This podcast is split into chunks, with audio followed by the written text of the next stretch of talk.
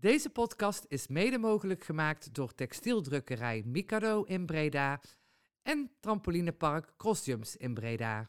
Een tikkie naar het zuiden en een tikkie naar beneden. Daar wonen al mijn vrienden en daar voetbalt NAC. Laat nu de klok maar luiden, er is toch niks aan te doen. De B-side staat in vlammen en NAC wordt kampioen. Ja, welkom luisteraars bij Een Tikkie naar het Zuiden, de B-Side Red podcast over NAC. En we zijn aanbeland bij nummer 59. En vandaag niet op de maandag, maar op de dinsdag, omdat we gisteren natuurlijk een wedstrijddag hebben gehad. En ik zit hier vandaag met eh, Michael. Yes, goedenavond. En eh, zoals we hem eh, even in de podcast noemen en eigenlijk ook in de, in de chat eh, Thijs 2. En eh, zelf eh, ben ik Thijs 1. Dus eh, dan eh, is het voor de luisteraars ook gelijk, eh, gelijk duidelijk. Ja, heren. ehm, ik denk een, een heerlijk NAC-weekend. eh, met weer drie punten. Ja. En een stapje dichter bij de concurrentie. Ja, zeker. En voetbal op maandag is, eh, heeft niet meer voorkeur, laat ik het zo zeggen. Alleen het lekkere is wel dat je rustig kunt kijken wat de concurrentie doet. En op het moment dat ze dan punten verspelen, is het dan helemaal lekker. Op het moment dat je dan maandagavond er zelf ook eh, bekroont, zeg maar. Heel even kort daarover. Hebben jullie nou echt... Ja, ik ben een beetje de dagen kwijt eigenlijk. Dus als ik weet dat NAC moet spelen, dan ga ik me gewoon voorbereiden. Ik, oh ja, ze moeten vanavond spelen. Ik, ga er, ik ging er dan gisteren ook naartoe. Een beetje inlezen. En dan denk ik, ja, dan maakt het me eigenlijk niet meer uit welke dag het eh, eigenlijk echt is. Omdat de, heel dat ritme is weg. Nou ja, je hebt ook bijna op iedere dag voetbal en dat maakt het ook wel weer lekker. Ja. Ehm, eh, je hebt toch niet zo heel veel andere dingen te doen. Dus ik heb eh, gisteren ook gewoon lekker op het gemakje gekeken. Dus op zich maakt het dan niet zo heel veel uit. Je hoeft toch niet naar het stadion te rijden. Eh, dus dan maakt het eigenlijk niet zo heel veel uit op welke dag het is. En ik vind, ik vind het zelf wel lekker met bijna iedere dag voetballen. Ik vond, eh, ik, ik, ik vond het alleen vroeger leuk dat ik dan ook nog tegelijk alle live scores inderdaad kon bijhouden. Hè. De- hoe doet de concurrentie het? En dat Annie dan de, de tussenstanden eh, omriep. Maar ja, dat, dat is natuurlijk sowieso eh, nu weg. Ja. Ehm, ja, laten we even naar de wedstrijd gaan van gisteren. Want eh, ja, binnen de kortste keren was het, eh, was het 1-0. Vlak voor rust eh, viel de 2-0. En eh, ja, eigenlijk kort voor het einde ging de wedstrijd helemaal in het slot met de 3-0. Ja, wat was jullie eh, beeld van die wedstrijd eigenlijk? Ik heb, ik heb niet eh, heel vermakelijk op de bank gezeten. Ik heb hem vanuit huis gekeken. Het was niet zo dat ik denk van... nou, ik heb uiteindelijk een hele lekkere, gezellige, leuke avond gehad gezien het spelbeeld. Maar uiteindelijk is het belangrijkste dat je wint. Eh, ze hebben het vaak in het voetbal over eh, scoren op de goede momenten. Eh, nou, dat heeft NAC wel echt gedaan. Als je dan, hè, als je, wat zijn dan goede momenten? Vroeg in de wedstrijd scoren. Zodat je als NAC zijnde niet het gezeik krijgt van... Ah, we staan tegen top, eh, tegen de muur te voetballen en het blijft gelijk. En als je in de allerlaatste seconde van de eerste helft de 2-0 maakt... waardoor dat je die gasten eigenlijk een directe links uitdeelt. Ja, dat, zijn, dat zijn de perfecte momenten om doelpunten te maken. Ja, tussen die goals door was het wel wat saai natuurlijk. Alleen eh, je kan het dan toch misschien iets beter hebben, omdat je dan toch voor staat. Dan is het nog iets minder irritant. Al is het inderdaad wel, de terugval was wel soms eh, ja, niet heel enerverend om naar te kijken. Want eigenlijk zat je gewoon net op Os te kijken die het voetbal eh, op de mat Ja, ik, ik, ik eh, hoorde een, eh, of ik, Anko Jansen, die was in gesprek met BN De Stem en daar stond ik naast. En die zei, ja, we zijn eigenlijk de eerste helft, zei hij, weggespeeld door, door Top Os. Die hadden echt wel het beter van het spel. NAC had ook wel kansen hè, in, de, in de uitbraakjes. Maar hij zegt, ja, qua voetballend kwamen we er eigenlijk niet aan te pas. Nee, het is wel erger geweest hoor. Ik weet nog eh, NAC thuis tegen Roda. Nou, toen is NAC echt volledig weggespeeld. Eh, nu was het zo dat de Toppels eigenlijk maar één, eh, één goede kans... Hè, wat was wel echt een, eh, een 100% kans voor die spits. Als het een iets betere spits is, dan ziet hij er maar in. Ja. Dan sta je 1-1. Ehm, maar ja, weet je, de, statistieken wijzen het ook uit. Uiteindelijk heeft Toppos het betere van het spel gehad. De meeste kansen, de meeste, meeste schoten, de meeste balbezit. Ehm, en in de eerste helft is dat wel kwalijk. In de tweede helft eh, hoorde ik eh, aan de hand van de interviews die ik eh, daarna heb teruggehoord... dat het ook wel ergens een keuze was van NAC om het, eh, eh, de, wedstrijd dood te laten Ja. bloeden eigenlijk. En je merkte er wel, wat jullie net al een beetje zeiden, dat ze niet per se gevaarlijk werden. Dus dan laat je dat ook denk ik liever gebeuren dan eh, dat je bijvoorbeeld er een jong Ajax speelt of zo. Die er wel zomaar in kunnen maken. Wat mij ook opviel is dat er eigenlijk een aantal eh, nieuwe jongens een beetje aan het opstaan zijn qua, qua spel. Eh, Lex Immers die echt wel steeds beter eh, in vorm komt. Kai de Roy die eh, dingen met een bal zie doen die ik daarvoor niet heb gezien. En dat sommige jongens ook weer wat minder spelen. Tom Haaien is, is niet meer de Tom Haaien van die weken, weken daarvoor. Hè. Die mag wat mindere periode hebben. Maar dat wist elkaar wel goed af. Ja, uiteindelijk heb je er wel altijd weer een paar nodig die het goed doen. Degene die gisteren wat minder waren, dat was ook niet zo dat die echt, echt, echt heel slecht waren. Ehm, ik vind al wel een paar weken, kijk, Fiorini is best goed op het moment dat NAC aan de bal is. En als hij eronder kan komen als middenvelder, dus als de aanval van NAC de bal heeft, dan is, heb je aan Fiorini een hele goeie. Alleen in de opbouw heb je echt helemaal niets aan hem. Eh, dus echt, wat dat betreft wel redelijk verstoppertje aan het spelen. Ja. En dat deden eh, Rutte, vond ik, en Maria ook. Dus je had, bij NAC had, had best wel een groot probleem in de opbouw om die bal goed kwijt te kunnen. En was hem daardoor ook gewoon heel snel alweer eh, kwijt aan top. Waardoor dat zij veel makkelijker vanaf het middenveld al meteen eh, dichter bij de goal van NAC konden komen. Dus ehm, ja, ik vond het dan ook alweer opvallend dat Stijn eh, in het interview met jou zei van ja, Fiorini is eigenlijk een speler die de afgelopen weken ongeveer de beste, beste man eh, van het veld eh, bij ons was. Wat insinueert dat je er niet zomaar af gaat halen. Ehm, dus ik ben wel Ja. benieuwd hoe dat hij dat gaat doen. En ik denk dat daarom misschien ook leek alsof bijvoorbeeld, dat las ik, las ik in ons liveblog terug. eh, Tom Haaien loopt te veel met de bal, zag een paar keer dat mensen toch een beetje irritant begonnen Komt te vinden. kwijt. Precies, dat had hij ik ook kwijt. inderdaad. En je merkt, dat vond ik bij Rutte best storend inderdaad. Op het moment dat hij opendraait naar rechts, dan staat Rutte eigenlijk nog achter de linksbuiten. Of de linksmidden die daar stond in ieder geval.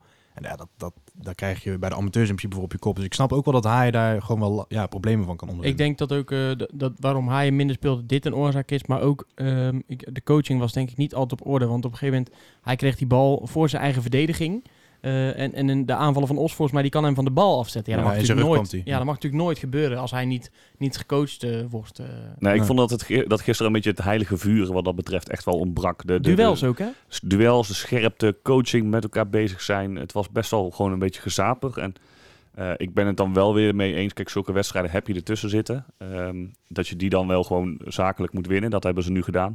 Dus ik, eh, ik heb daar wel vrede mee dat het op deze manier is verlopen uiteindelijk. Ja. Maar ik hoop wel dat dit een, een, ehm, een, echt een mindere wedstrijd was. En dat de lijn tegen Telstar, de lijn tegen Dordrecht... en dan die gedeeltes van de wedstrijden dat het beter was. Dat dat het spel is wat NAC standaard wil gaan spelen en kan gaan spelen. En dat dit gewoon weer een mindere wedstrijd was. Want wat ook kan zijn, is dat de flows tegen Telstar en tegen Dordrecht juist weer een positieve uitschieter was. Nou, als dat het geval is en het spel is eigenlijk nog best wel matig, ja, dan komen er voor een NAC hele zware weken aan. We gaan het straks natuurlijk nog eh, uitgebreider over de promotiekansen hebben. Maar ik, ik vind dat er nu ook een interessante tijd aan gaat komen. Omdat we hebben natuurlijk die eerste zes wedstrijden gehad aan het begin van het seizoen. Eh, nou, daarna is corona in de groep gekomen. Dat weet allemaal hoe dat eh, uiteindelijk gelopen is. Maar je hebt nu weer vijf wedstrijden op rij gewonnen. Je bent er al elf op rij ongeslagen. Kijk, als je nu die lijn door kan trekken die je in het begin van het seizoen ook eigenlijk te pakken had. Ja, dan kan het natuurlijk uitgroeien tot iets, eh, iets heel moois. Plus wil- je hebt veel meer, meer spelers, hè? Dat, dat, de, de spelers die weg zijn gegaan op uh, Roger na, dat zijn, waren spelers die toch niet aan bod kwamen. Hè, met Monsalve, eh Noblegas, eh, die, die, ja, die hadden geen rol. Nee. Daar komen jongens voor terug die wel een rol hebben, die eh, het elftal beter maken. Als je kijkt, Hendricks, die staat er meteen, bam. Nou, en Jansen, dat was een van de dingen die ik bijvoorbeeld eh, eh, benoemde in het interview met Stijn. Eh, Wat jij nu zegt over die grote selectie, is veel over gesproken. Maar voor hem is het lekker als Fiorini niet draait dat je Jansen kan brengen. Ja. Die echt wel echt spelvreugd, vond ik, gewoon op de Ja, mat legt. Hè? Hè, Jansen komt erin en eh, voor mij mag hij nu ook gaan, gaan spelen. Eh Maurice Stijn moet zelf maar oplossen wie die dat er met uithaalt. Of- 12. Of inderdaad, vraag even of dat je misschien een keer met 12 mag spelen. Dat de tegenstander ook met 12 mag gaan staan. Eh, ik zou niet namelijk niet weten wie die eruit moet halen. Maar wat je ziet, kijk, Jansen kan goed voetballen. Alleen door hem in te brengen, gaan de drie man die om hem heen staan ook een stuk beter voetballen. Combineren met Alucci wat hij deed daar aan de linkerhoek. Wat ik wel, ik denk dat misschien Jansen nog wel echt profijt kan hebben van de basisplaats. Puur omdat ik nu heel erg het idee heb als hij erin komt, ik weet niet of jullie dat ook hebben, dat hij wel heel graag wil laten zien dat hij goed kan voetballen, dat hij iets brengt. En dat is op zich tot nu toe goed uitgepakt, maar je merkt wel dat hij heel erg geforceerd eh, zijn mannetje uit wil spelen, eh, hakjes doet. Dit, ja, dat. misschien, ik, ik heb hem niet zo vaak zien spelen. Misschien Maar doet hij dat altijd wel. Ja, en nuttig. Nee, dat, zeker daarom. Het is niet per se dat, dat hij slecht invalt. Daarom vind ik het leuk om te zien. Zeg maar, als Ja. hij een hakje doet of iets dergelijks. Ah, hij kreeg toen heel veel commentaar op toen, toen verloor Emmen van PSV. En eh, hij had echt zo'n geniale actie aan de zijlijn waarin hij drie, twee, twee of drie man uitkapte. Ja. En had hij dus losgetwikt, eh, geknipt en op Twitter gegooid. Eh, sukkel en verlies alles en dan ga je dit doen. Maar het is gewoon een, een functionele, mooie voetballer om naar te kijken. Dat vind ik wel echt, echt leuk om te zien, zeg maar, in dat, in dat opzicht. En dat ja, brengt me eigenlijk naar de, naar de volgende vraag. Want dat is, is ja, we hebben ze gisteren zitten kijken. Maar eerlijk is eerlijk, Michael, wat jij net ook zei. En Thijsje had het ook een beetje. Het was niet leuk. Nee. Nee, ik heb, e- ik heb me echt niet vermaakt. En ehm, de tweede... Maar moet dat? Nee, maakt me nu eigenlijk helemaal gereed uit. Nee, dat is Nee. dus de vraag. Is het nou, want er was in die eerste helft ook op Twitter kwam echt een chagrijn wel weer op gang van jeetje man, kunnen we nou niet een keer een tegenstander over de knie leggen? Ja. Is dat nou in deze fase noodzakelijk? Eh, ja, je hebt altijd wel die stromingen op de website, merk ik. Mensen die dat wel belangrijk vinden. Eh, die beredeneren dan zo van ja, als je zo tegen de graafschap speelt, dan krijg je er in de eerste helft wel drie tegen. Als een comment die wel eens voorbij zag komen. Eh, ik sta daar zelf niet per se zo in. Ik denk dat je sommige wedstrijden gewoon echt zakelijk moet winnen. En dat, ja, dat zijn top os thuis. Ja, het is misschien ook lastig om je op te laden. Het is gewoon niet zo'n hele. eh, ja, Nou, en wat jij zegt, hè, van ehm, ja, als je zo tegen de graafschap staat, krijg je er drie tegen. Maar de laatste keer dat wij tegen een, een, een ploeg speelden, waarvan je dan kan zeggen dat het bij de toppers hoort, was Almere. Ja, die, die, hebben, die hebben geen kans gehad. Ja, dan kom je juist zelf beter, omdat, ja, maar de- al vond ik Os ook wel gewoon voetballend. eh, Die wilde wel wat. Dus dat, die vlieger ging dan niet helemaal meer op. Maar eh, Maar Ja, ja, het- kwam bijna- vrij weinig kansen gehad. Het Nee, kwam, zeker, het kwam bijna over op mij alsof dat, je, als dat, dat de groep bij de NAC had gekeken van oké, hoeveel energie moeten we in deze wedstrijd leggen om hem eh, safe te kunnen winnen. Het, het, het, neigt bijna naar arrogantie.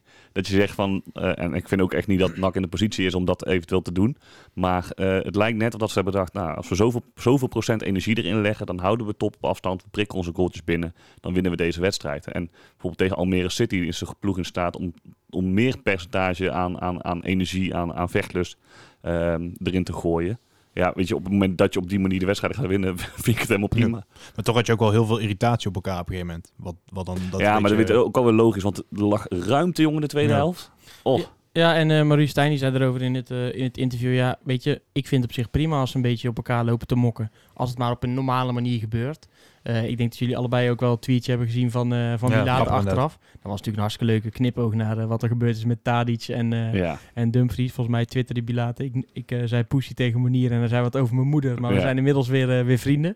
Het was ook lang gezellig in de kleedkamer. Kon je horen vanuit, vanuit de persruimte. Dus ja ze en Maurice dat ook al een biertje op voordat hij nou met jou sprak, zei hij. Dus, ze hebben het echt goed gevierd volgens mij. Dus ik, ik denk dat de sfeer in het team in dat opzicht dat dat wel de goede kant op gaat. En dat ze zelf eigenlijk wel vrede mee hebben dat het op dit moment niet top is om naar te kijken. eh, dat, het- dat het niet heel leuk is. het was Maar wel ja, top om naar te kijken. Ja, jezus.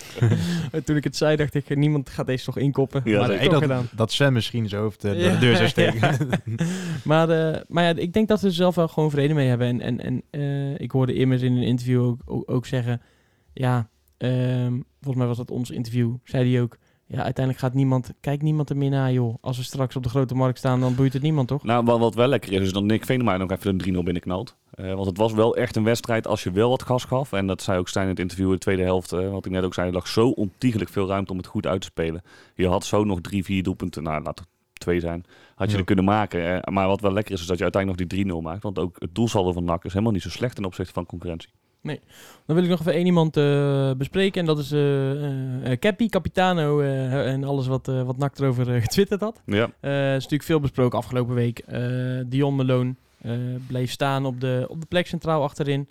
Ehm, en laten we, voordat wij eh, onze mening gaan geven, maar even luisteren hoe hij dat zelf allemaal heeft ervaren. En eh, ik sprak hem erover na de wedstrijd.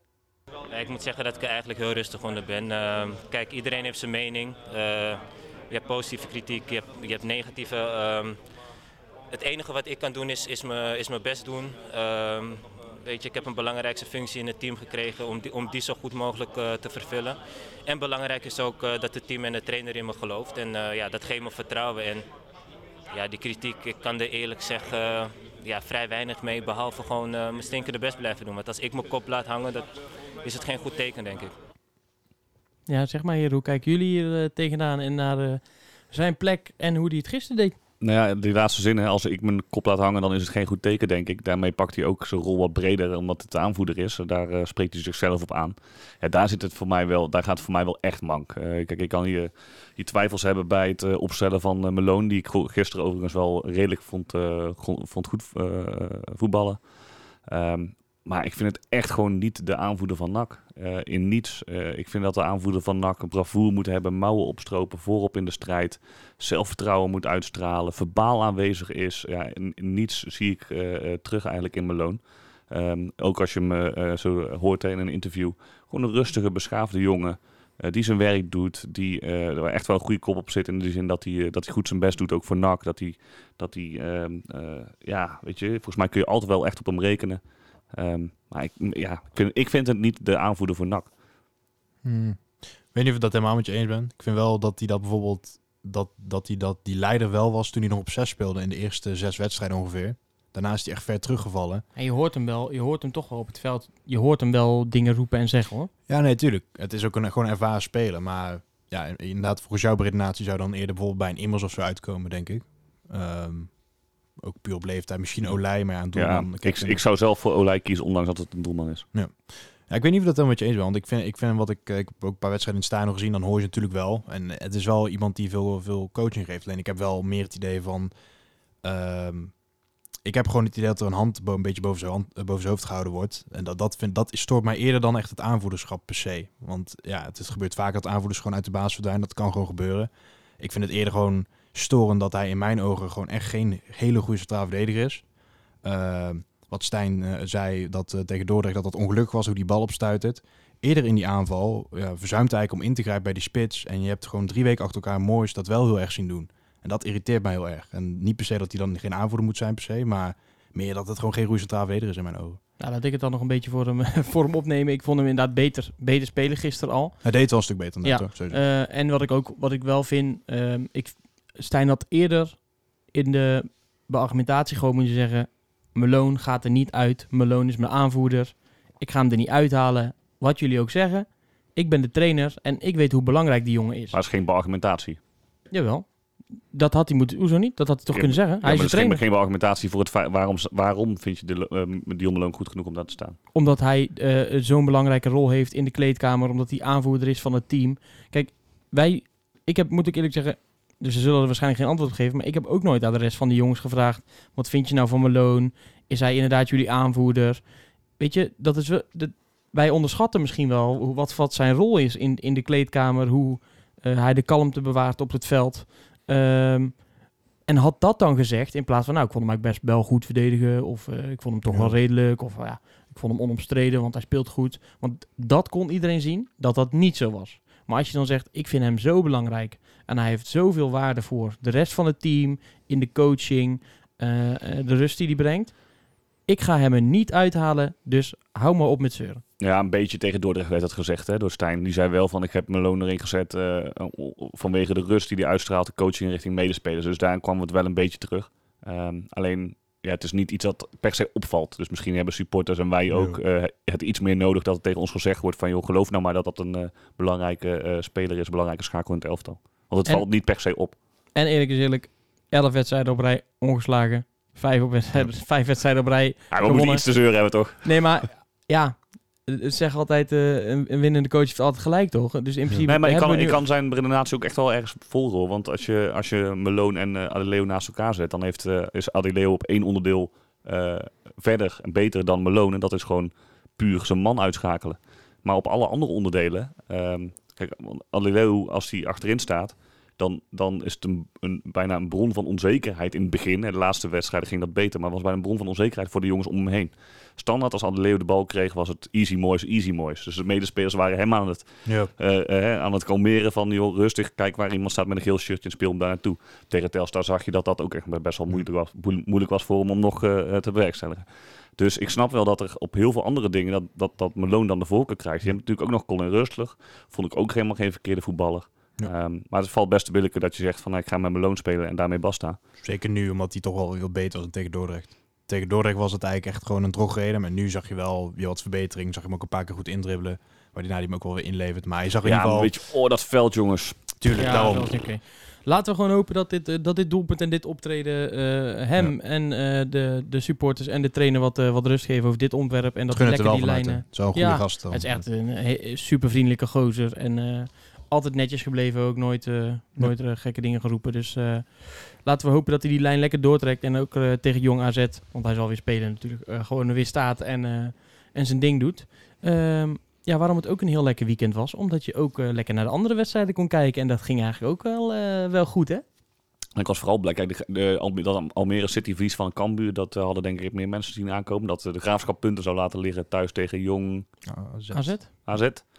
Lastige tegenstander. lekker hoor. Eén, één puntje uit eh, twee wedstrijden Ja, tegen die had bijna niemand aanzien komen. En de graafschap was ook echt heel matig. En dat is vooral het belangrijkste. Dat die ploeg eh, eigenlijk al weken. Want eh, kijk, ze winnen, winnen week in week uit. Tegen NEC was het wel redelijk. Maar eh, bijvoorbeeld thuis tegen MVV. Ja, dat hield ook niet over. Dus het spelniveau van de graafschap is ook. Ja, ik, voor, voor mijn gevoel zit, balanceren zij een beetje op de grens van. eh, ben je goed genoeg om geen puntverlies te leiden? En, en spelen ze net iets slechter, dan lopen ze direct tegen puntverlies aan. Ze winnen ook elke keer maar met één doelpunt verschil. Ja, dus eh, dat, dat zij dan 1-1 spelen, dat zorgt ervoor dat ik wel er vertrouwen in heb dat je Ja. de graafschap weer kan inhalen. Ik heb het dat daar de spoeling ook iets dunner is. Want je zag nu dat Van Miegen bijvoorbeeld op rechtsback speelde. Ja, wat natuurlijk vrij typisch is. Dus buitenspeler. ja. Ja. Volgens mij ook nog een linksbenige buitenspeler. Dus een beetje een soort aerobbe die je op rechtsback zet. Ja, dat is, dat is natuurlijk best wel een noodgreep lijkt me. Dus misschien dat hij nog wel problemen gaan krijgen. Ja, en als we dan, eh, we gaan het toch maar gewoon weer eventjes over hebben, over de promotiekansen van, eh van NAC. Want eh, een mooi weekend waarin de tegenstanders, ik probeer iets harder te, pra- te praten nu, omdat Michael dan zijn blikje open kan maken. Ja, huppakee, zo doen we dat. Waarin de tegenstanders punten laten liggen, kunnen we even een blik op de, op de ranglijst werpen. En gaan we toch weer even die, over die promotiekansen hebben. Want zolang wij blijven winnen, is dat gewoon een hartstikke leuk onderwerp. Cambuur die is natuurlijk redelijk uit beeld met 26 eh, gespeeld en 63 punten. Dan op nummer 2 staat de Graafschap met 26 gespeeld en 57 punten. Dan Almere, die hebben 53 punten. Eh, hetzelfde als NAC, alleen die hebben wel eh, 25 wedstrijden gespeeld en NAC 26. En Go Ahead Eagles staat dan onder ons met 26 en 50. Eh, qua doelsaldo doen we het wel beter dan, eh, dan iedereen eh, behalve Cambuur, want wij hebben een 28 plus. En die andere, de Graafschap staat op 19 plus, Almere op 21 plus en Go Ahead ook op 19 plus. Ja, ik denk dat het, eh, dat het toch langzaam in, eh, in eh, Almere ook wel een beetje billenklijpen wordt. Want die eh, mogen morgen nog inhalen tegen Volendam. En die moeten ze eigenlijk toch wel winnen om, Ja. om eh, buiten schot te blijven hè, van NAC. Want anders is het nog maar één puntje.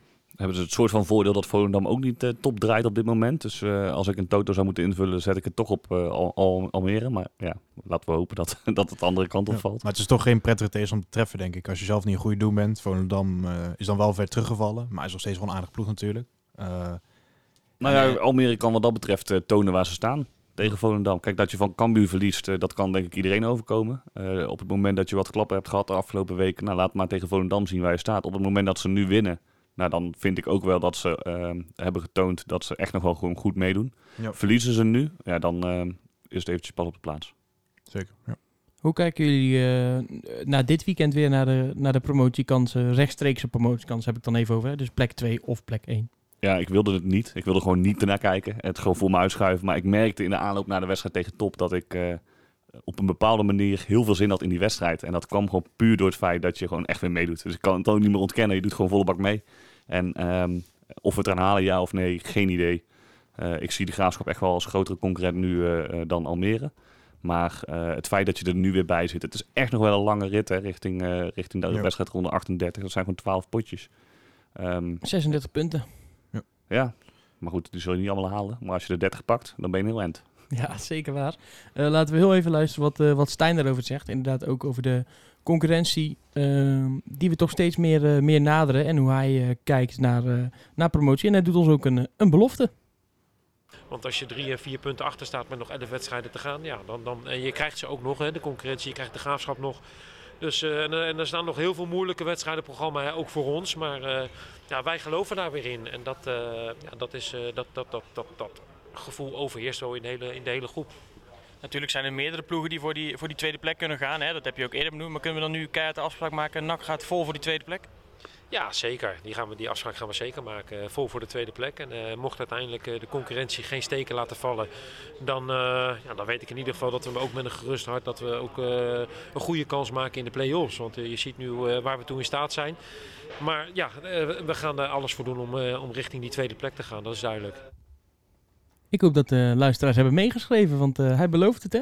Volle bak voor, voor plek 2. Er wordt niet meer omheen, omheen gepraat. Nog een kleine stok achter de deur. Want als ze lang meedoen, dan eh, kunnen we ook eh, eh, goed bewapend aan de play-offs beginnen. Maar ik denk inmiddels dat het geloof in de selectie ook helemaal terug is. Ja, dat is vooral, dat laatste is lekker. Dat je op, in deze fase van de competitie, ehm, als eh, ja, toch wel het kaf en het kool van elkaar gescheiden wordt, dat je erbij zit en dat je die sfeer ook in de, in de groep hebt. Dat men met een bepaalde vibe, energie, blijdschap, vreugde, eh, spelvreugde naar de club toe gaat eh, en die wedstrijden gaat spelen. Ehm, ja, weet je, ik, ik zie het ook allemaal wel goed in. Het, programma wat NAC heeft, natuurlijk zitten er wat lastigere wedstrijden bij, maar eigenlijk is het een ideaal programma. Het is een soort, van schans richting het eind van de competitie. Ook op het moment dat je eventueel in de play-offs eh, terechtkomt. Dan heb je daarvoor wedstrijden gehad die er ook al toe deden. Tegen goede tegenstanders. Het is niet zo dat je, stel dat je tegen ADO of Willem II da- dadelijk uitkomt. Dat je in de weken daarvoor tegen MVV, FC Eindhoven en, eh, Den Bos. En Den Bosch hebt gespeeld. Ja, dan is het echt wel even schakelen. Dan zou je bijna een oefenwedstrijd willen, willen inplannen tussendoor. Je hebt een mooie schans richting het eind van de, van de competitie. En eh, dat kan ook wel in je voordeel werken. Dat je elke keer weer een klein beetje meer, klein beetje meer, klein beetje meer. En als je die wedst- wedstrijden gewoon blijft winnen, dan eh, hebben we een mooi eind. Ja, ik had er sowieso nog wel, ook vier weken geleden voor die hele reeks. Er zijn in principe nog zoveel punten te ver- verdienen dat het altijd nog wel kan. Alleen het wordt nu al steeds reëler natuurlijk. En eh, Wat ik ook wel, dat ik ook wel meespeel, dat Go Ahead, maar met name ook NAC, nu ook wel echt de druk opleggen. En dat dat voor eh ploegen als de Graafschap, die toch ook niet helemaal lekker draaien, ook wel echt een, eh, een, extra, ja, een extra nadeel kan zijn. Ja, en ik ben toch ook gewoon echt benieuwd inderdaad naar morgen naar Almere. Want eh, we, hebben ze vaak geprezen in de podcast. Het is een club waar een idee achter zit. We zijn nu jarenlang bezig met een beleid. Maar puntje bepaald, je moet je wel een keer die stap kunnen maken. En daar komt toch ontzettend veel druk bij kijken. Dat, dat is nou eenmaal zo. Dat is al als je NAC bent, omdat het eh, zo financieel belangrijk is voor een club als NAC en het voortbestaan, zeg maar, om het te halen. Maar ja, wij zijn er al wel een keer geweest. Je weet wel hoe het is om dat soort wedstrijden te spelen als supporters. Maar ook mensen die bij de club werken. eh Maurice Stijn natuurlijk. Ehm, en bij Almere vraag ik me dat dan toch af. Dan moet niet lekker zijn als je NAC weer Ja. zo ziet naderen. Ja. Ik heb dat al eerder gezegd, maar ik denk echt dat dat, dat echt ons te weinig is, Almere. Ik, eh, ik heb daar echt minder vertrouwen in dan de meeste eh, ja, voetbalsports in Nederland. Jij- Eh, jij denkt eigenlijk dat ze een beetje boven hun stand geleefd hebben. Ja, leu- leuk plan en alles. Ik denk dat die ploeg gewoon echt een stuk minder is dan de Graafschap, NAC en Cambuur. Qua wat? Qua... Materiaal en ook een beetje wat jij zegt, gewoon de, de stand van de club, weet je wel. Het is toch een heel ander podium waar je op gaat acteren. Ehm, Ik vond het spel van Almere echt wel... Ik vond eigenlijk Almere City na Cambuur. best voetballende ploeg ja, tot, tot voor kort. Ja, maar zeg maar, dat, dat, dat is dan een soort van luchtbel als je er even lekker in zit. Maar ik weet niet of dat echt een constante... want Cambuur heeft ook een periode minder gevoetbald en toen wonnen ze alsnog eh, ja, maar 4 uit 4. Ja. En bij Almere is dat toch minder gebleven. Maar ja, je ziet dat ze, als het nu even niet loopt, dan kunnen ze die wedstrijd ook niet winnen. Dan verliezen ze van, Ja. volgens mij van de laatste 4-3 verloren. Wie? Zoiets. Almere. Eh, ja, volgens mij ook. Alleen van Topos eh, Ja. gewonnen en van Helmond verloren, dacht ik. En Of, misschien of gelijk, denk ik Ja. misschien. Maar. Ja, wel wei- weinig punten. Ze laten in ieder geval punten, punten liggen. Ja, en dan ga ik heel eventjes naar het programma van NAC kijken. En eh, dan ga ik iets doen wat eh, alle trainers en alle spelers altijd eh, verschrikkelijk vinden als je luistert in het nieuws. Maar ik ga lekker vooruit kijken. Eh, want maandag spelen we tegen Jong AZ. Eh, nou, die moet je, moet je kunnen winnen. Ja, we gaan het daar nog over hebben, denk ik. Gaan we het over hebben, maar gewoon, Ja. laten we het zeggen, moet je kunnen winnen. Dan krijg je Helmond thuis, vind ik ook. Moet, je, moet gewoon een overwinning zijn. Zeker. Dan eh, de 19e gaan we uit naar Volendam. Nou, het is even kijken hoe die gasten zich herpakken. Maar dat kan best een pittig, eh, pittig potje zijn, denk ik. Kunnen goed voetballen. Maar ik denk dat ja, toch heel veel Bredana's al eh, de kalender hebben gepakt. En dat er al een, met geel zwarte stift een, een, een, een cirkel is gezet om 28 eh, maart. Want dan gaat toch wel een heel belangrijk potje zijn. Want dan komt de graafschap op, op bezoek. Ja, dat wordt, dat wordt een kraker echt. Dat is echt een kraker in de keukenkampioen-divisie tussen twee ploegen die, denk ik, eh, de grootste kans maken om, eh, om tweede te worden. Maar goed, ik, ja, ik, ik zeg er nu van, ja, die moet je kunnen winnen, die moet je kunnen winnen. En dat is op papier ook. Maar ik eh, zit er nog niet heel gerust hoor. Het gaat je- heel makkelijk doorheen nu. Hè? dat je, Ik ja, ik ben er nog niet gerust op dat je met negen punten richting de graafschap gaat hoor. Dus eh, typisch nak om dan van de Graafschap misschien te winnen, maar dan eromheen weer punten te laten liggen natuurlijk. hè. Heel goed om dit eh, te blijven benoemen, want de laatste weken benoemt iedereen dit en we winnen alleen maar. Dus eh, lekker door laten gaan met de typisch NAC. Ehm, over typisch NAC gesproken, er zijn twee hele grote namen teruggekeerd deze week. Ehm, ja, de terugkeer van eh, de Messi van Breda, Anthony Leurling en eh Rob Penders, die eh, onder 21 gaat trainen. Leurling die wordt assistent bij het eerste en krijgt daarnaast ook onder 15 onder zijn hoede. Ehm, ja, voor mij zijn dit echt, echt iconen Ja. in mijn NAC-carrière. Ja. Ja, zeker. Ik had hem zelf niet verwacht hoor, want eh, we hebben natuurlijk het, het plan van, eh, van Manders. eh, die hangt hier ook, nou hangt niet aan de muur, maar het zou kunnen. in, op een A4'tje. eh, want weet je, het is wel een beleidskeuze die je maakt door oud-spelers terug te halen. En die kwam niet terug op dat A4'tje van Manders. Dus ik had niet meteen gedacht van, hey, dit is iets waar de club de komende periode bij, mee aan de slag gaat. Maar wat natuurlijk super belangrijk is. Leurling, die wat een boegbeeld is. Nou, je hebt natuurlijk Lokhoff hiervoor ook al eh, gehad. Ehm, met Rob Penders heb je, denk ik, voor de onder de 21, eh, als je naar zijn cv kijkt, een hartstikke goede trainer aan. Ja. volgens mij kun je dit alleen maar met gejuich eh begroeten. Dit is toch een meer dan geslaagd charme-offensief van Matthijs Manders, denk ik.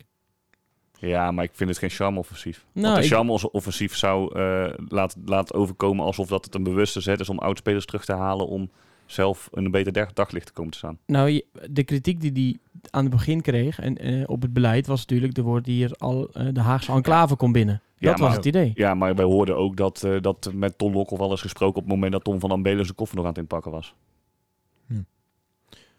Ja, is gezegd gaan we een keer een bakkie doen. Ja, Toch? Zo Ja, we. ik- dat was tijdens de heb uit- echt uitreiking van Anis Lintje, toch? Dat, dat, Ja, ja, Maar ik heb echt niet het, niet het idee dat, eh, dat, dat deze zetten zijn gedaan om, eh, om zelf in een beter daglicht te komen. Ik denk dat dit, eh, eh, kijk, als je kijkt naar de potentie. Nou, ik wil hem ook niet, ik, ik wil hem niet negatief benaderen, maar ik bedoel meer, het is toch wel een geslaagd, geslaagd eh, Ja, gesten naar de supporters toe. Het Want zijn gewoon Ja. sterke zetten geweest in alle opzichten. En je, ja. had ook, je had ook iemand anders aan kunnen nemen, maar de- je gaat toch kijken, denk ik, hoe kunnen we nou in Ja. zo'n breed mogelijke zin zorgen dat dit een goede, goede stap is voor de Ja. club. En als mensen bang zijn dat ze feeling kwijtraken met de club, Nou, precies ver- dat. verbinding eh, eh, moeten houden, dan is het veel eh, beter om met een prachtig filmpje met allemaal doelpunten van Leurling en eh, Rob Penders die het veld Ja. op komt lopen tijdens zijn eigen eerbetoon.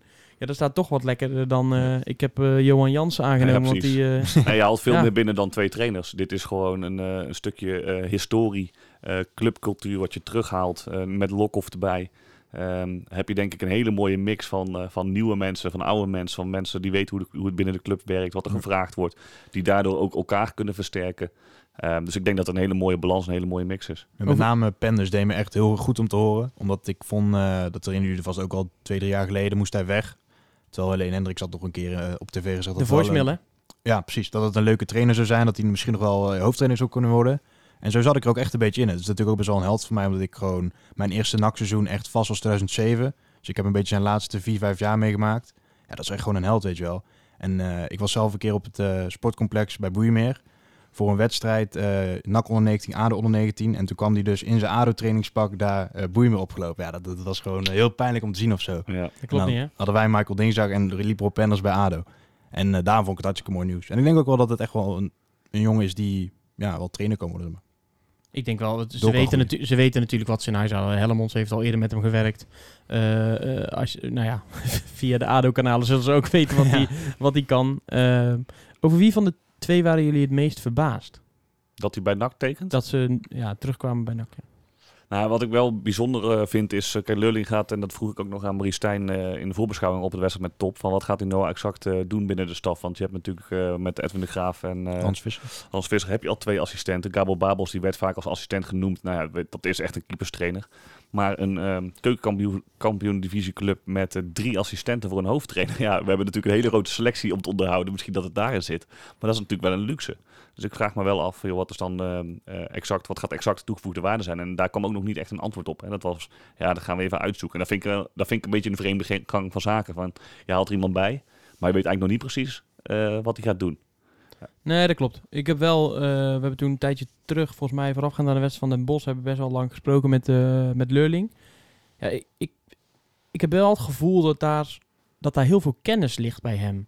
Eh, hij heeft natuurlijk nu een tijdje bij PSV gewerkt, eh, bij verschillende teams daar. Ja, daar word je ook niet aangenomen als je koekenbakker bent. Eh, hij Nee. heeft veel meegemaakt in zijn carrière. Is geliefd geweest, gehaat geweest. is op de tribune gezet door, door trainers. Ik bedoel, hij heeft zoveel meegemaakt eigenlijk. Dat ik denk, je had zo'n bak met ervaring binnen. Dat dat ook heel belangrijk kan zijn. en ook met Penders uiteraard, maar met Leurling ook. Van wat is NAC nou? Wat betekent het nou om voor NAC te spelen? En, en ik denk dat een eh Leurling en een Penders dat veel beter over kunnen brengen dan sowieso Hans Vissers, maar ook toch beter nog dan Edwin de Graaf. Weet je, dat vind ik een veel statischere, statischere man. Ja. Zo, re- zo rende die ook altijd. Maar eh, Hm. ik denk echt dat dit voor de, voor de binding met de club, zowel Ja. voor supporters, maar ook met de jeugdelftallen en spelers, dat dat Precies. echt een belangrijke stap Nou ja, ik, ik, denk ook als speler zijnde dat je ook eh, anders naar bijvoorbeeld Lurling kijkt dan naar Visser. Weet je, het is, je, je- als je in het stadion rondloopt, eh, zie je beelden van Lurling, foto's, weet ik het wat. Eh, dus je ziet dat je daar te maken hebt met iemand die echt wel weet Ja. wat er nodig is om binnen NAC te slagen en wat voor club het is. Dus ik denk als je als speler zijnde ook op een hele andere manier naar zo'n eh, icoon kijkt op het trainingsveld dan wanneer het een andere assistent-trainer is die niet direct binding met de club, club heeft. Dus ja, weet, nogmaals, het zijn gewoon gouden zetten. Ja. Want, want Thijs, jij hebt eh, een tijdje ook de jeugd eh, wat intensiever gevolgd, hè, toen hij Ja. nog eh, mocht Ja, nu spelen. speelt de jeugd Nee, daarom, niet meer. toen, ze mo- toen ze nog mochten spelen. Eh, dus toen heb je ook best wel vaak, denk ik, contact gehad met Michael Dingsdag. Regelmatig. Wat was dat voor, voor man? Want gaat hij, wat denk jij hoe het gegaan is? Is hij nou echt weg omdat hij meer kansen wil? Of zijn ze toen penners gaan zoeken? Of hebben ze penners gezocht omdat ze niet tevreden waren over Dingsdag? Ja, daar zal ik net over nadenken, want ik weet niet in welke volgorde het is gegaan. Ik moet zeggen dat ik Michael Dinsdag... eh, ja, ik heb veel wedstrijden van, dat, van zijn teams gekeken en dat was ook wel gewoon een goede trainer hoor. Die wist echt wel waar hij het over had. Volgens mij lag het bij Dinsdag er meer aan en dat kan ik fout hebben. Maar ik denk dat hij eh, qua eh, zijn stage, waar hij in zat qua opleiding, meer verantwoordelijkheid moest hebben. Dus ook trainingen Ja. leiden bij een eerste elftal, dat, dat, soort dingen. Dat, dat is wat NAC eh, communiceert, hè? ja, Maar dus, wat eh, BN de Stem communiceert is eigenlijk, of tenminste, dat, daar kwam het meer eh, over alsof dat dinsdag, volgens mij werd het ook letterlijk zo gezegd, niet voorkomt in de plannen van NAC. Ja, weet niet. Want, maar ik, ik weet zeker dat Dingsdag wel aan de bak komt. Want eh, vorig seizoen was er al interesse vanuit PSV. Eh, dat was wel dan voor een onderbouwteam waar hij toen zelf geen trek in had. Maar dat is wel een trainer die er denk ik wel goed op staat in Nederland. Eh, wat ik wel denk is dat de NAC, met name Erik Hellemond, zet heel erg in op werken naar het eerste elftal. Als je ook op boei mee komt, hangt overal hangen ja, van die murals met plaatjes van de B-side, plaatjes van Ronnie Stam bijvoorbeeld, shirtjes die er hangen. En dan denk ik dat zo'n leerling voor de onder 15, weet je wel, dan komt er wel, wat jij net zegt, eigenlijk iemand binnen dat je denkt van, wow, weet je wel, dat is wel een... eh, En niet dat die andere trainers dat minder hebben, maar bijvoorbeeld de Moldoek heeft dat misschien dan iets minder, toch iets minder een echte nakker, zeg maar. En Dinsdag misschien nog minder. Eh, al was dat ook geen verkeerde trainer. Nee, die heeft een, se- een seizoentje bij NAC eh, gevoetbald, Wel is het mij. zo, denk ik, weet je, Mee die, die jonge spelers die in de jeugdopleiding zitten, dat zijn vaak de jongens die die, die leerling misschien nog niet eens meer hebben zien nee, denk ook voetballen. niet. Dus je moet het dan echt puur alleen maar hebben van beelden. Ah, maar die vaders. God, non, dat je je best doen als Anthony eh, als onze Teuntveld opkomt. Nou, dat, zou wel, nou, dat kan wel meespelen misschien, ja. Ja, ik vind het echt, eh, ik vind het echt een fantastisch kerel. En ik hoop echt dat hij, eh, dat hij een mooie toegevo- toegevoegde waarde kan zijn op het, eh, op het trainingsveld. Eh, Ja, zeker. Eh, laten, we dat, eh, laten we dat hopen. Eh, ik denk dat het tijd is om een, om een klein beetje ehm, terug te blikken nog op afgelopen weekend. Want we hebben natuurlijk wel een heel mooi weekend gehad. Niet alleen de resultaten waren goed. We hebben, denk ik, een hele mooie supportersactie gehad. Eh, door heel de stad hingen de geel met, geel met zwarte vlaggen. Eh, uiteindelijk zijn er meer dan 8000 eh, vlaggen opgehangen door, eh, of weggebracht door heel Nederland. En ik zag op Twitter en op Facebook en op alle vormen van sociale media iedereen trots een vlag buiten hangen. Precies. Jullie ook allebei trots een vlag buiten hangen? Nou, ik moet heel eerlijk zeggen, maar ik heb er een, een reden voor. Ik, woon een, ik heb een benedenwoning en ik heb geen vlaggenstok en, en houder. Ehm, als ik hem dus vasthang aan mijn raam, dan kan iedereen er zo bij. Dus ik was bang, ja, als ik die ga hangen, dan is hij binnen vijf minuten weg. Eh, dus ik heb hem aan een vriend gegeven die, eh, die eh, geen seizoenkaart heeft, maar wel een nachtsporter is. Die aan het doorgaande weg eh, woont, waar veel mensen langskomen met de vlaggenstokhouder. Hoppatee, dus eigenlijk daar mooi in zicht.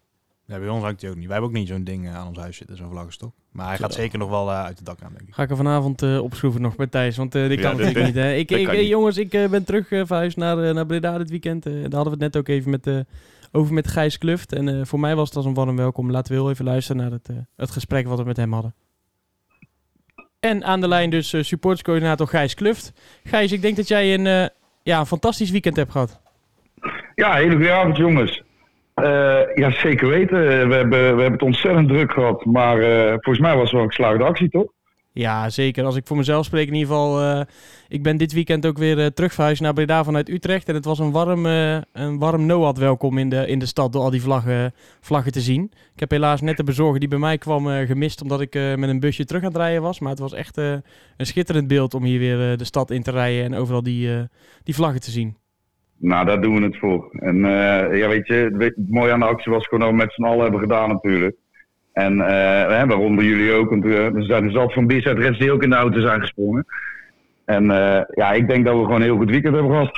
En waar kijk je nou het meest, eh, het meest positief op terug eigenlijk? Wat is het gevoel dat bij jou overheerst na, na deze actie? Want jullie hebben ja, in totaal dus meer dan eh 8000 vlaggen rondgebracht. Nou, eigenlijk wat mij het meest bij is gebleven is dat, dat vooral de vrijwilligers die terugkwamen, op een gegeven moment na een halve dag of zo, stonden de mensen de bezorgers op te wachten. Dus als je dan ergens bij een adres kwam, dan stond er al een heel gezin in de voortuin eh, te juichen omdat ze een vlag kregen. En daardoor kregen we het nakgevoel weer een beetje terug. Ja, We hadden weer een beetje zoiets van, oh ja, dit zijn de mensen waar je normaal mee in het stadion zit. En ja, dat, om dat weer heel eventjes te voelen, dat, dat was eigenlijk het beste. Ja, bij mij in de, in de studio zit ook Michael. Eh, Michael, jij bent namens Reds ook rond gaan brengen. Herken jij dit, eh, dit beeld? Ja, ik heb bij heel veel huizen niet eens een, eh, een verhaaltje hoeven doen. Dus ik belde aan en eh, de deur ging open en er stond iemand met een, eh, big smile. En dan zei ik ook, ja, ik hoef niks te zeggen eigenlijk. Hè. Nee, nou, dan gaf ik de envelop. En, ja, ik voelde mezelf een beetje de Gaston van de, van de loterij met de gouden envelop, zeg maar. Goedemiddag! Ja. Alleen dan had ik een vlag bij. dat. Iedereen was super blij en het was, eh, we hadden een vlag aan onze auto hangen. Eh, dus, ja, je voelde je echt eh, ja, bijna een attractie, zeg maar. Het was echt super leuk om te doen. En Gijs, jij, eh, jij hebt natuurlijk wel een beetje een, een rol gehad in deze eh, actie als supporterscoördinator. Ehm, Mhm. Eh, was het nog moeilijk om iedereen te enthousiasmeren om naar Zuid-Limburg, Texel, de Achterhoek en Utrecht te rijden? Of ging dat vanzelf? Nou, om heel eerlijk te zijn, tot mijn verbazing was dat dus totaal niet moeilijk. Juist de verre afstanden die waren als eerst weg. En onder andere heel veel leden van onze RVC die zijn naar Leeuwarden gereden, naar Lisse, Zwolle. Eh, al, al die uithoeken. Tessel die wordt eh, dit weekend nog even gedaan. Dus de, de luisteraar uit Tessel, eh, we komen eraan. En nee, ja, eigenlijk waren die verre afstanden het makkelijkst. Wanneer, wanneer is dit idee nou eigenlijk ontstaan bij jullie? Want als ik dit zo hoor, weet je, dit klinkt dit eigenlijk, eigenlijk toch te bizar voor woorden. Hè? Een, een vlag met de auto gaan brengen naar Leeuwarden en naar Lisse en, en weet ik het wat. Maar ja, ergens is dit zaadje ooit geplant. Kan je ons even terugnemen naar naar dat moment? Ja, eigenlijk kwam dat idee vooral vanuit het museum. Eh, ik ben met Ries een keertje, eh, we waren volgens mij aan het drinken of, of in ieder geval een beetje aan het brainstormen. En die wilde de verenigingsvlag heel graag terug hebben.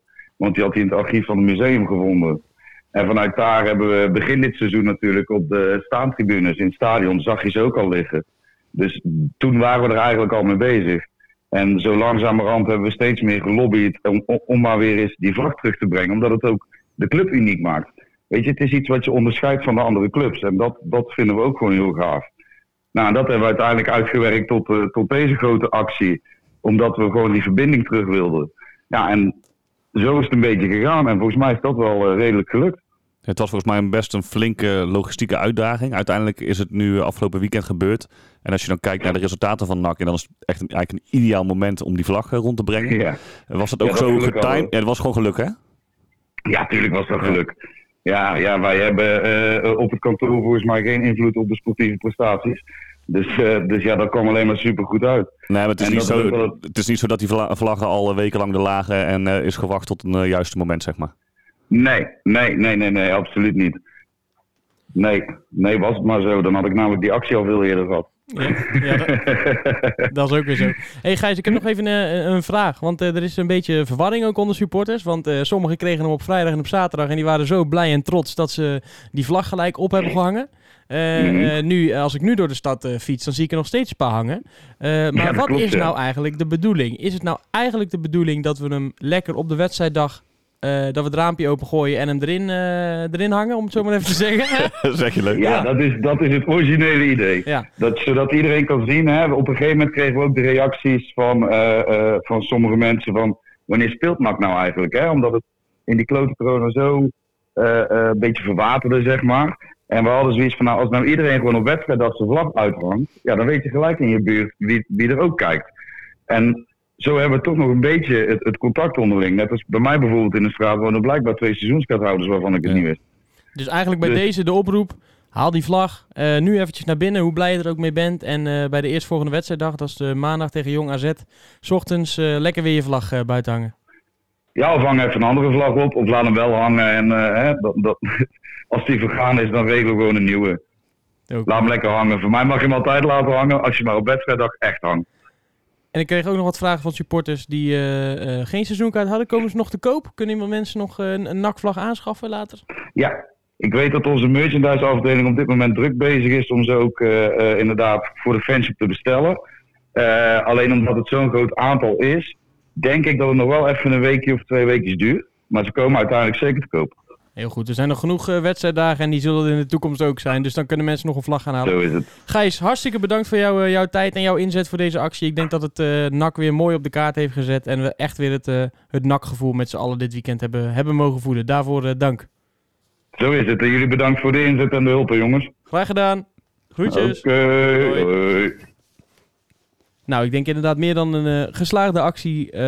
en ja, mijn voorkeur zou toch ook hebben om gewoon lekker één keer in de week die vlag met z'n allen buiten te hangen. Dan, dan wordt het veel meer een speciaal moment, denk ik. Ik heb dat ook wel, ja. En weet je wat ook is? Je zegt die vlag ophangen. En ik ben dan een beetje een romanticus. Eh, het was al met het vlaggen uitdelen. Had je dat al een beetje zo'n moment dat je in een film zo'n langzaam eh, dramatisch muziekje eronder komt en dat je helemaal gaat meeleven.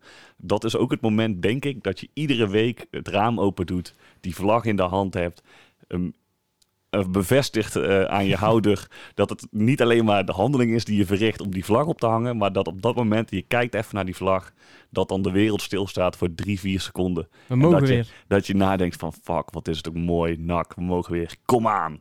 Weet je, Ja, dat gevoel heb je. een beetje begint. Hop, en dan ga je boterham ka- met kaas eh, maken. En eerlijk is eerlijk ook. Zo blij dat we ook gisteren gewoon gewonnen hebben.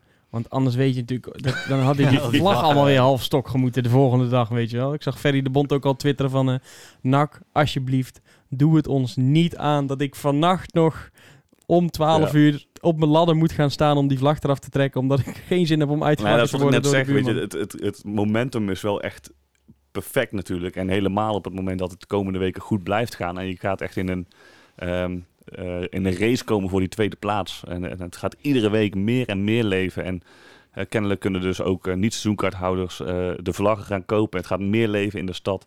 En echt, die, die, die stad gaat geel-zwart kleuren. Ja, dan dat kan zomaar, kan dit echt gewoon een, een juweel van een actie. Het is al een juweel van een actie, Ja. maar echt helemaal exploderen. Duidelijke, duidelijke boodschap voor NAC is dus om de komende twee wedstrijden in ieder geval te winnen. Want dan eh, liggen de vlaggen in de, eh, Ja. in het, eh, in de fanshop. dus dan, dan is het gevoel er nog. Ehm, ja, ik ga komende maandag weer eh, de vlag uithangen, jongens. Want dan staat de volgende wedstrijd op het, op het programma. Thijs, ik wil bij met eh, jou graag nu de afspraak maken dat jij regelt dat jouw vlag ook eh, ergens Ja, komt te gaan we hangen doen. aanstaande maandag. Ik stuur een foto. Heel goed. Nou, ik Eh, kan desnoods, bij bij jou kan ik gewoon vanaf de eerste verdieping eh in ieder geval hangen. Daarom, dat komt wel goed. Oké, Ja. nou, dat, eh, die staat. Ehm, ja, heren, Jong AZ. Eh, al iets nuttigs over te zeggen of nog niet eh in verdiept? Ja, enigszins. Ik heb die wedstrijd tegen de Graafschap gekeken. Ehm, en eh, wat, wat daar opviel is dat ze eigenlijk, eh, ook qua stats, maar ook gewoon het wedstrijdbeeld was vrij in evenwicht. Je voelde wel dat eh, AZ iets meer vanuit de underdog-rol speelde. En eh, de Graafschap wel meer vanuit een soort urgentie speelde. Ehm, maar dan moet ik zeggen dat die, dat die goal van hun, dat was een afstandsschot, eh, wat eigenlijk een enorme ketsen was van die keeper.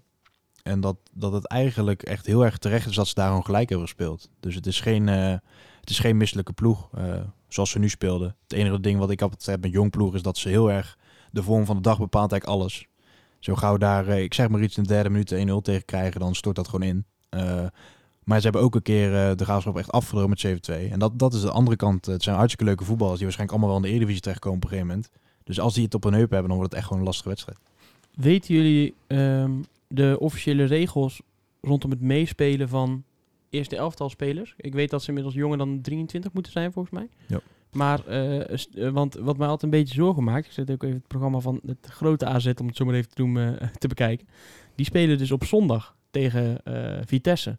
Ja, dat zou natuurlijk kunnen betekenen dat die wisselspelers dan in actie mogen komen, volgens mij, als ze jonger dan 23 zijn. Klopt dat? Ja, alleen ik weet niet of het helemaal voor Jong AZ geldt, maar ik heb dat ook wel eens geanalyseerd. Eh, vaak is het zo dat als de Jong ploeg op eh, maandagavond spelen, dus na het weekend, dat ze mindere resultaten halen dan wanneer ze het weekend spelen. Oh. Dus dan zou de vlieger niet opgaan eh, dat je zegt van hey, de afvallers van selectie kunnen maandag, maandag meedoen en dan zijn ze een stuk sterker. Ja. Grappig eigenlijk, want, eh, want ik, ik, ik zou juist bang zijn voor een, voor een eh, scenario waarin Fjen speelt of die, dat die Christensen eh, net geblesseerd is geweest en ineens meedoet bijvoorbeeld. Maar eh, dat, dat, dat lijkt er dus, eh, dus niet op. Wat verwachten jullie? Oh, Jij wil nog zeggen? Hè? Ja, wat jij zegt, eh Evian is eigenlijk wel een van de weinigen die daar echt structureel heel veel meespeelt. Voor de rest schuiven ze daar niet heel veel. In, in hoeverre ik het heb gevolgd in ieder geval. dan. En, en ehm, ja, wat verwachten jullie dan van die wedstrijd? Want ja, het is weer een maandagwedstrijd, 9 uur, uit in Alkmaar. Eh, er zijn best al wel een paar clubs die zich daar op stuk hebben gebeten.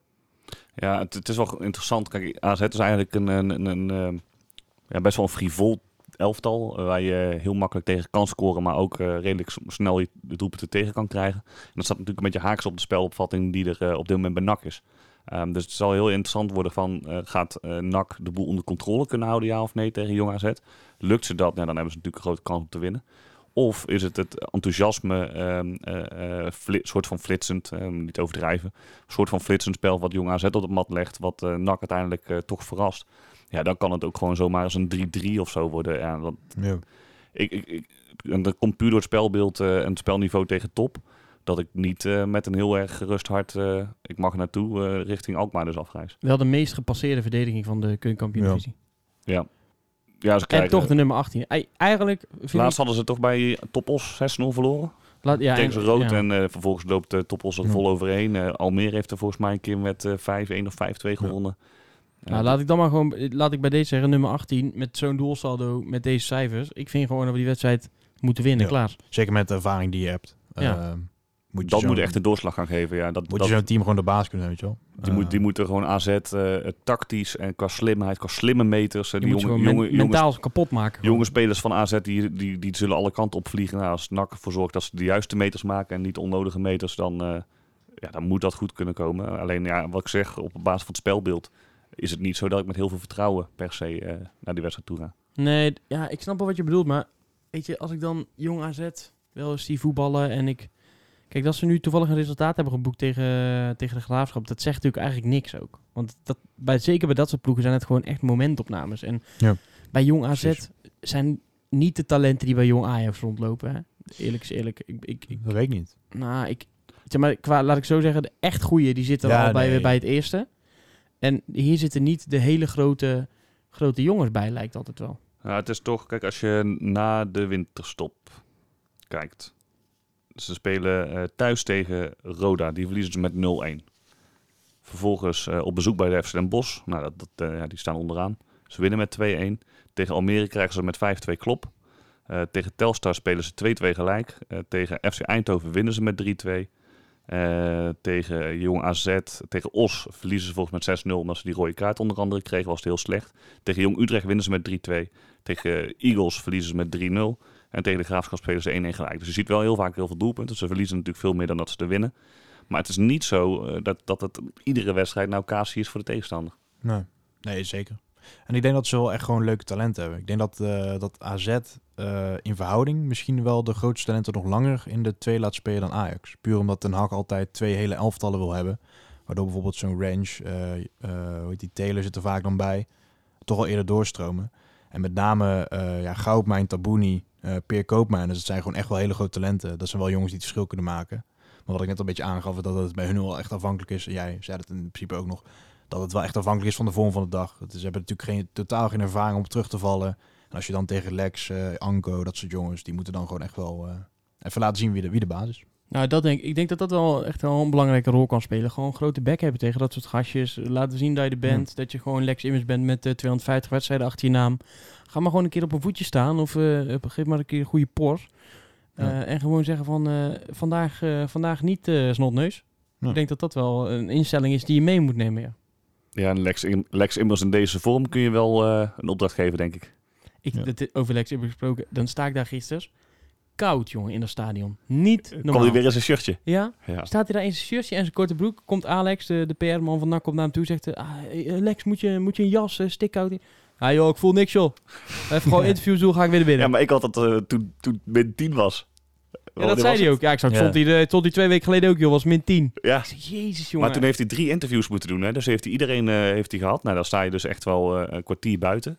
Eh, slippers, korte broek, wedstrijdshirtje. Dat was het. Ja. En je merkt aan alles trouwens, om eh, nog heel even Lex Immers te noemen, dat die jongen zoveel beter in zijn vel zit nu. Hè. Hm. Hij heeft toen eh, een keer een interview bij ons in die matchcast gegeven. Toen dachten we allemaal, wat gebeurt hier? Die stopt Eh, ermee. Die stopte Ja. ermee. eh, en ik, het zal me echt niks verbazen als hij dat ook overwogen heeft. Want die zat gewoon totaal niet lekker in zijn vel door Nee. heel die situatie wat er gebeurd is. En nu staat er zo'n belangrijke speler eigenlijk weer op dat Die veld. goal van Malone, hè, dat, want die komt natuurlijk vanaf de assist van, van Immers. Dus dat je, en het, het oogt ook zo rustig. Dus dat die bal die komt in de vijf meter naar hem toe. Een, een scoringskans. Iedereen zou, zou echt doodnerveus worden van, oh, ik kan nu gaan scoren of zo. En hij kijkt gewoon waar die bal komt. Heel rustig, heel eventjes omhoog. Oh, daar staat Dion. Top. Ze is Top zo er gigantisch is die, hè? Het was zo enorm rustig, zo Ja. enorm onder controle. Ja, en die instelling moet je denk ik eh, maandag meenemen naar Jong RZ. Gewoon, luister jongens, ben Lex Immers, wij zijn NAC, wij, Ja. staan, eh, wij staan derde, dit gaat, eh, dit gaat niet gebeuren. En dat brengt me natuurlijk bij het, eh, het laatste en het vaste onderdeel van, het, eh, eh, van de matchcast. Oh, sorry, van de matchcast. Ja, jij zit al helemaal in de wedstrijd Ik gedacht. zit al helemaal Ja. klaar, maar ik wil die vlag alweer bijtangen. Het laatste onderdeel van de podcast natuurlijk. De voorspelling. Naar wie mag ik hem eerst pasen? Naar Thijs Eh, 2 hoor ik. Dan zeg ik eh 0-2-0-3. Beetje hetzelfde als afgelopen week. En dan eerste goal van eh, Sydney. En dan is 0-2 een ruststand meteen en 0-3 eindstand. Ja. Wat, eh, wat we doen. Oké. Zit niet. Ga- Dan wil ik daar heel even op inhaken. Jij verwacht dat Ja. hij in de basis gaat staan? Dat idee had ik wel. Maar dat ik het is gewoon een voorgevoel. Weet ik niet zeker hoor. Mm. Ik denk- denk, het niet, maar ik, ja. ik denk het ook niet. ik, denk, ik, ik denk dat hij niks gaat wijzigen, eigenlijk. Ja, ik had juist het idee dat voordat Sydney geblesseerd raakt, is wel een discussie weer, dat, dat hij wel zijn basisplaats een beetje eh terugverdiend had. Dus ik, ik had dat gevoel juist wel. werd wel een beetje toen hij tegen Dordrecht zeg maar, niet mocht invallen, kreeg dat ge- gevoel wel een knauw. Maar ik zou het in ieder geval wel gunnen. Nou, je hebt het vaker eh, je bij het juiste eind gehad, dus we gaan het zien eh, maandag. Michael? Ik eh, ga voor 2-3. Waarbij we 0-2 voor staan in de rust. Zo, hoeft de eerste helft eh, niet te kijken en de tweede helft wordt echt spannend. Dan wordt het spannend. Dan wordt het 1-2, 1-3, 2-3, zoiets. En dan is vrouw, kinderen eerst, bal van de lat. Op het hey, drie punten Net erbij. als, net als de laatste vijf minuten gisteren. En wie wordt de eerste uh, doelpunt? Eh, doe- Kai de Roy. Die is er weer een beetje, dus Ja. eh, die kan hem wel eh, binnenprikken. Nou, dan ga ik zelf voor een eh 0-1, 0-2. En ook Kaitroy. Ik denk dat die... eh, die vond ik erg goed spelen. En ik denk eh, tegen een, eh, een jong ploeg als Jong AZ... eh, die, die gastje hem wat, eh, wat ruimte geven. Eh zijn ook goede voetballers, dus die, eh, Ja. die weten wel hoe dat... eh daar weten wel hoe die mee om moet gaan.